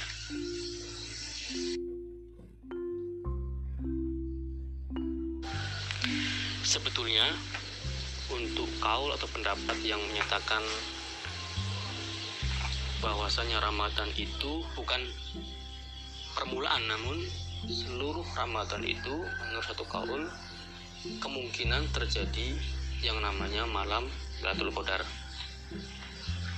Ada beberapa hadis yang menyatakan ada yang menyebutkan malam ke 7, ada malam ke 9, bahkan ada yang malam ke 6, juga ada malam yang ke 17 ada malam yang ke-14 dan sebagainya. Namun ini karena memang malam ini berpindah-pindah dari tahun ke tahun. Tapi yang lebih tepatnya itu perpindahan malam itu perpindahnya relatif di 10 hari akhirnya yang kaul yang arja. Nah, adapun kaul yang menyatakan seluruh Ramadan itu kemungkinan akan muncul malam seribu bulan itu mendasari bahwasanya memang malam ini malam di mana diturunkannya Al-Qur'an jumlatan wahidah. Kapan itu? Dikenal dengan istilah nuzul Quran pada tanggal 17 Ramadan. Ini alasan mereka bahwasanya malam Lailatul Qadar itu pernah terjadi bukan di 10 akhir Ramadan. Nah, di atas itu saya berikan suatu paper atau jurnal mengenai bagaimana penafsiran dan prediksi penentuan malam seribu bulan melalui earthquake gempa bumi. Jadi pembacaan gempa bumi itu dipakai sebagai parameter untuk menentukan atau memprediksi malam Lailatul Qadar. Nah, karena pengamat atau penulis tersebut berasumsi ada hubungannya dengan getaran atau kondisi lokal pada saat malam itu terjadi. Nah, yang bisa mengukur atau merasakan sensitivitas, getaran, dan sebagainya adalah alat pengukur gempa bumi tersebut. Nah, dilakukan beberapa tahun dan ada hasilnya yang berkesimpulan terjadi pernah tanggal 8, pernah tanggal 12, juga tanggal 25 dan 21. Sekilas saya amati memang berbeda dengan hasil istihad Imam Ghazali dalam kaidah penentuan awal atau malam Lailatul Qadar. Saya hitung awal bulan yang dipakai oleh peneliti tersebut salah satunya adalah tahun 1432, tahun 1431 dan 1429. Saya cek awal Ramadannya namun tidak pas dengan apa yang diasumsikan oleh Imam Al-Ghazali berbeda hasilnya ini merupakan hasil parameter masing-masing peneliti, masing-masing mustahid untuk kemudian menentukan awal atau e, malam atau Qadar. Namun ia pun memberikan patokan tidak lepas dari 10 akhir yang sering terjadi apa yang ia amati 10 akhir bulan Ramadan. Ada kemudian alamat-alamat atau tanda penentuan malam Lailatul Qadar. Salah satunya ini yang masih syad atau istilah kata lemah. Namun itu pun direwetkan dalam hadis. Ini hadisnya kalau nggak salah mursal. Bahwasanya salah satu tanda-tanda alam yang dapat diamati adalah rontoknya dedaunan. Kenapa kok daun rontok? Karena memang seperti halnya malaikat turun dari langit ke bumi. Nah, seluruh makhluk Allah pada malam yang penuh kemuliaan itu bersujud kepada kekuasaan Allah Subhanahu wa taala. Itulah kemudian daun pun berjatuhan. Nah, ini dalam satu respon kaul ini mengatakan daun ini jatuh di mana pada hari-hari sebelumnya tidak terjadi. Jadi daun itu normal, tidak berguguran. Namun ketika malam itu pada berjatuhan. Nah ini salah satu kaul. Namun ini kaul yang kemudian hadisnya hadis mursal. Lalu kemudian yang dimaksud dengan cahaya matahari muncul di pagi hari itu tidak terlalu kuat cahayanya, kemudian tidak terlalu silau, menurut versi filsafatnya kenapa alasannya karena memang tertutup oleh sayap-sayap para malaikat karena sangkin banyaknya jumlah malaikat yang turun pada malam itu sehingga berefek pada cahaya matahari yang terhalang. Nah, ini namun bisa diamati secara astronomi ini kaitannya dengan luminositas dalam bab fisika atau astrofisika terdapat bab tersebut yang membahas tentang intensitas cahaya seberapa silaukah seberapa kuatkah cahaya muncul pada saat terbit dan pada saat terbenam? Dan ini bisa diamati dan bisa dicek dengan alat pengukur suhu tentunya. Alat pengukur suhu ruangan yang outdoor luar, luar maksudnya. Itu bisa menjadi parameter misalkan selama 30 hari atau 29 hari Ramadan kita memberikan atau mengadakan uji uji suhu tanggal 1 sampai kemudian selesai atau paling tidak 10 hari akhir untuk mengetahui perbedaan suhu pada saat matahari muncul terbit khususnya pada malam-malam yang ganjil tersebut 10 hari akhir.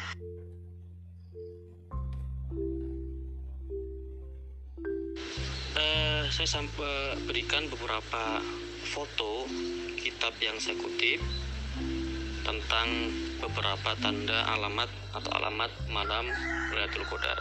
Yang terakhir, Waqad kana salafus solih yuraqibuna samsa min ba'di salatil fajri hatta tulu'iha wa khawsatan fil ashri al awakhiri wa khawsatan kanat tatlu' la syi'a alaha. Jadi Imam Hasan al-Basri pun mengamati matahari selama kurang lebih 20 tahun ya. Dan ditambah 24 malam. Jadi lama sekali. Dan beliau mengamati bahwasanya matahari pada saat pengamatan tersebut muncul tidak ada sinar yang sangat menyilaukan alias cahayanya redup seperti cahaya muncul pada saat bulan purnama seperti itu permisalannya demikian tadi sesi tanya jawab yang sudah berlangsung selanjutnya kami akan membuka grup kembali untuk memberi kesempatan kepada teman-teman yang ingin memberikan tanggapannya terkait diskusi sore ini jangan lupa untuk menyebutkan nama dan asal instansi, juga wajib menggunakan VN atau voice note dan menggunakan bahasa Indonesia yang sopan.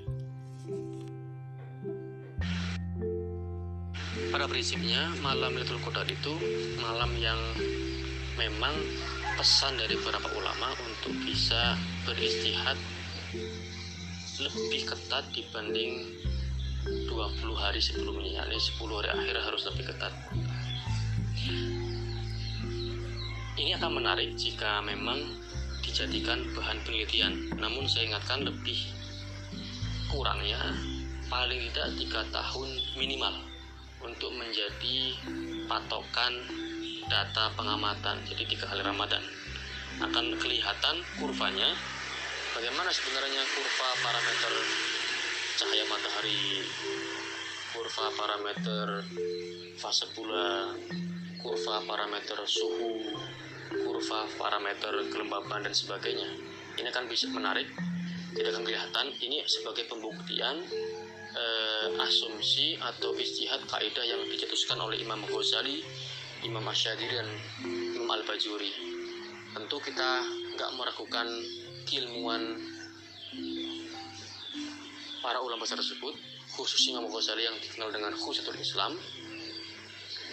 Tentu tanpa mengurangi serangan kepada beliau, kita adakan penelitian agar kemudian hal tersebut menjadi suatu kesimpulan baru bahkan kalau memang benar ini menjadi suatu patokan yang menarik agar kita misalkan contoh malam Lailatul Qadar pada tahun ini kan jatuh tanggal 27 Ramadan atau tanggal 20 atau malam 19 malam 20 tentunya saat ini benar jangan sampai kemudian kita melewatkan malam tersebut.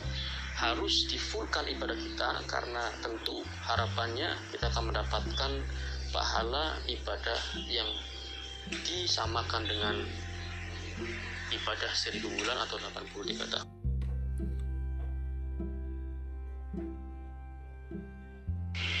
Gambar di atas merupakan simulasi dari aplikasi tentang posisi bumi dan matahari dalam artian tanggal 20 pada saat matahari muncul. Nah, posisinya bumi itu diapit atau di di ya diapit tuh oleh Venus dalam artian posisinya matahari, Venus dan bumi. Ketika kita putar, tambahkan harinya, maka posisi Venus akan bergerak menjauh dari bumi. Nah, ini mungkin diasumsikan kenapa cahaya matahari tidak terlalu panas, tidak terlalu silau, bisa kemungkinan ada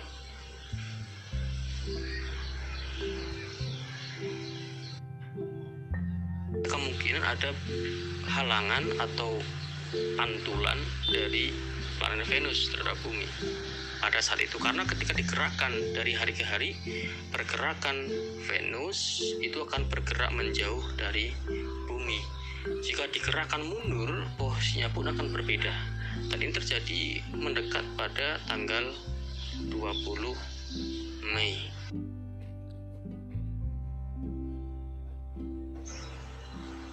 Ya, Assalamualaikum warahmatullahi wabarakatuh. Saya Ahmad Syafi'i dari Mahat Ali Al Hasaniyah, Sendang Senori Tuban. Ingin mau tanya apa perbedaan antara nuzulul Quran dengan Lailatul Qadar? Dan apakah yang dimaksud dengan Lailatul Qadri khairu min alfi syahr? Bahwa di situ disebutkan bahwa malam Lailatul Qadar itu lebih baik daripada seribu bulan. Akan tetapi banyak ulama yang berpendapat bahwa malam Lailatul Qadar itu bukan hanya lebih baik daripada beribadah atau yang lainnya selama seribu, selama seribu bulan.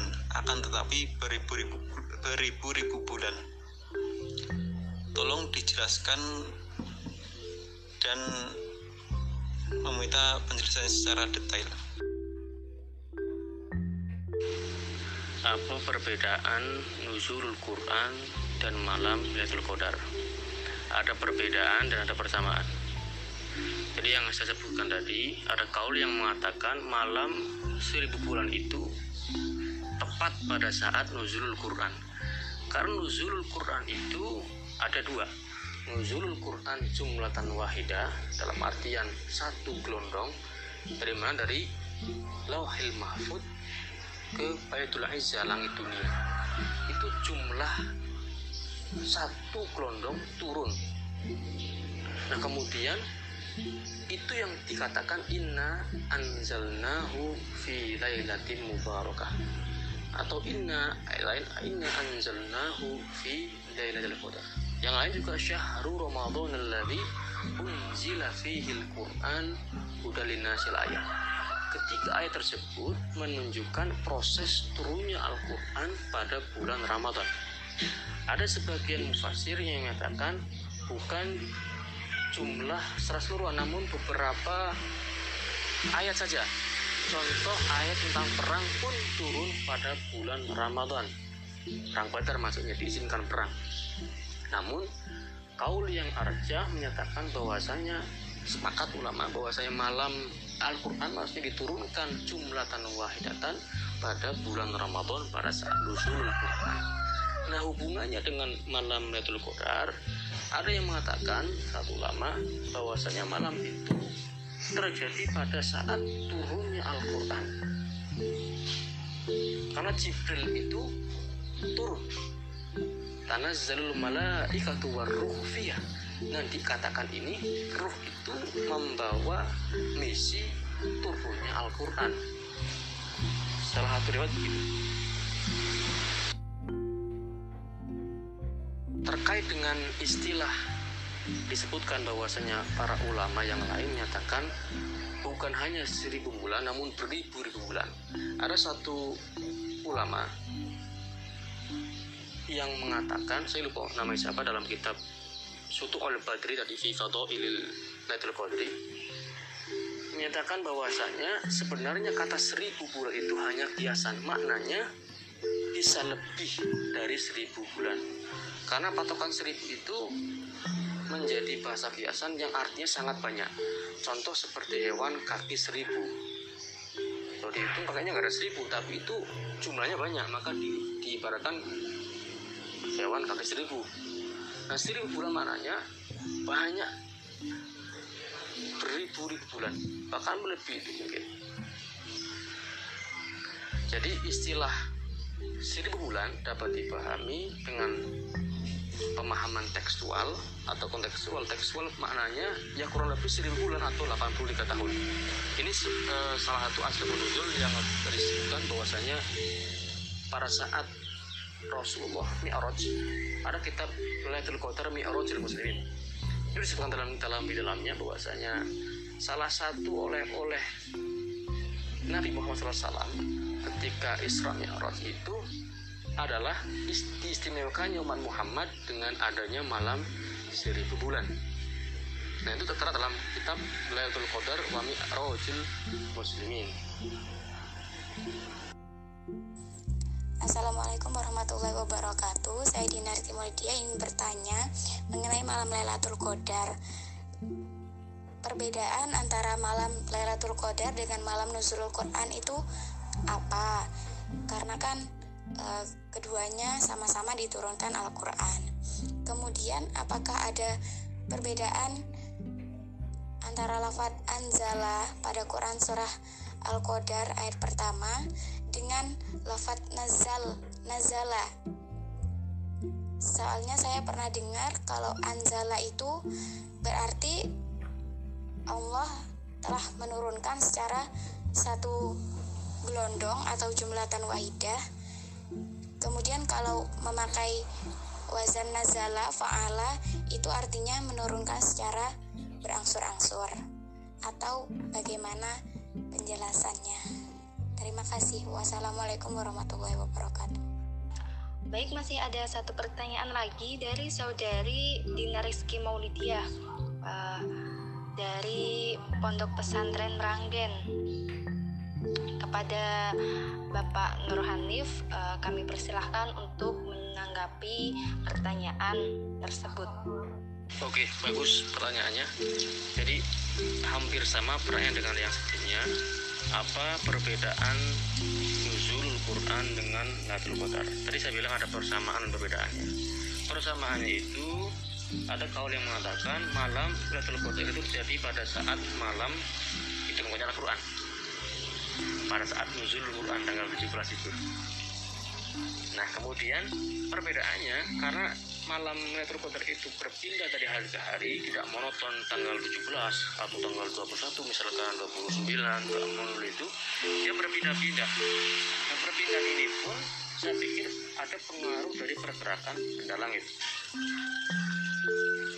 contoh misalkan revolusi bumi itu berpengaruh terhadap cuaca. Cuaca itu berpengaruh terhadap suhu dan sebagainya.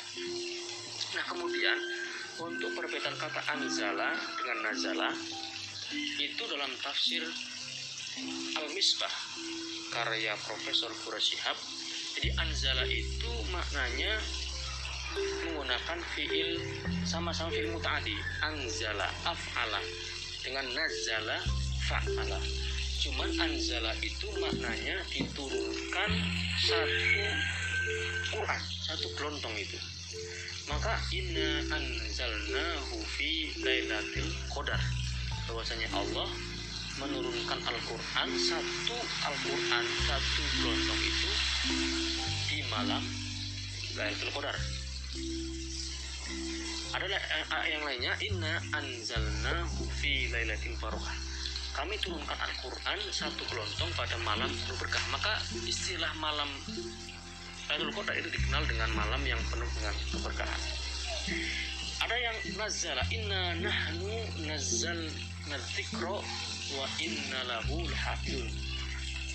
Nah, kenapa kok kata nazala itu muncul pada ayat tersebut inna nahnu nazzalna dzikra wa inna lahu lahafidun. Ada kata nazala dan kata hafid. Maknanya perbedaannya Al-Quran turun jumlatan wahidatan dari lauhil mahfud ke Baitul Izza dipastikan aman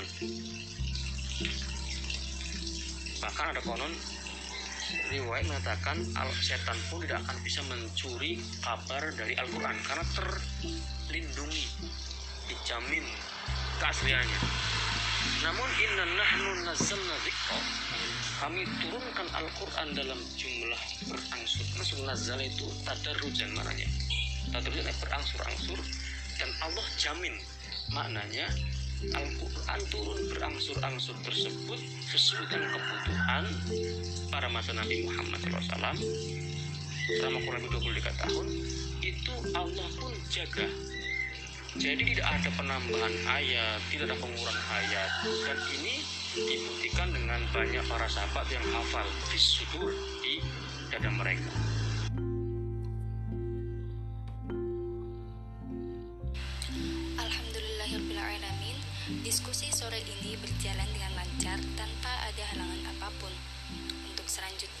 Saya akan mengambil beberapa kesimpulan Lailatul Qadar adalah satu malam yang penting terjadi pada bulan Ramadan yang dalam Al-Quran digambarkan sebagai malam yang lebih baik dari seribu bulan dan juga diperingati sebagai malam diturunkannya Al-Quran. Deskripsi tentang keistimewaan malam ini dapat dijumpai pada surat Al-Qadar surat ke-97 dalam Al-Quran. Lailatul Qadar dapat juga kita artikan sebagai malam perlimpahan keutamaan yang dijanjikan oleh Allah kepada umat Islam yang berkehendak untuk mendapatkan bagian dari perlimpahan keutamaan itu. Keutamaan ini berdasarkan nilai Lailatul Qadar sebagai malam yang lebih baik dari seribu bulan. Dalam I'anatu atau Libin, Imam Ghazali mengatakan, bahwa waktu turunnya Lailatul Qadar dapat diketahui dari hari permulaan Ramadan. Berikut rinciannya. 1. Jika awal Ramadan jatuh pada hari Minggu atau Rabu, maka Lailatul Qadar akan turun pada malam 29 Ramadan. 2. Jika awal Ramadan jatuh pada hari Senin, maka Lailatul Qadar akan turun pada malam 21 Ramadan. 3. Jika awal Ramadan jatuh pada hari Selasa atau Jumat, maka Lailatul Qadar akan turun pada malam 27 Ramadan. 4. Jika awal Ramadan jatuh pada hari Kamis, maka Lailatul Qadar akan turun pada malam 25 Ramadan. 5. Jika awal Ramadan jatuh pada hari Sabtu, maka Lailatul Qadar akan turun pada malam 23 Ramadan. Namun, beberapa ulama mengatakan kaidah tersebut bisa berpeluang salah dan benar. Tak ada yang tahu waktu pasti turunnya Lailatul Qadar. Sementara kaidah-kaidah yang diberikan oleh para ulama berdasarkan atas pengalaman spiritual masing-masing, seperti Imam Al-Ghazali berdasarkan pengalamannya. Artinya tidak ada ketentuan pasti kapan Lailatul Qadar itu terjadi. Untuk itu dianjurkan untuk menghidupkan 10 malam terakhir bulan Ramadan seperti yang telah dicontohkan oleh Rasulullah SAW. Kepada pemateri, Bapak Nur Hanif, kami ucapkan terima kasih sebesar-besarnya. Dan kepada sahabat Falak, peserta diskusi, kami ucapkan terima kasih atas partisipasinya. Untuk kalian yang masih penasaran dengan ilmu falak, nantikan diskusi-diskusi lainnya yang diadakan oleh HMJ Ilmu Falak Win Wali Songo Semarang. Kalian juga bisa mengakses updatean mengenai ilmu falak di channel YouTube Ilmu Falak Wali Songo. Saya Anik Suatun Hasanah, selaku moderator minta maaf atas kesalahan dalam bertutur kata dan pamit undur diri. Sampai jumpa di lain waktu ya sahabat falak semua. Assalamualaikum warahmatullahi wabarakatuh.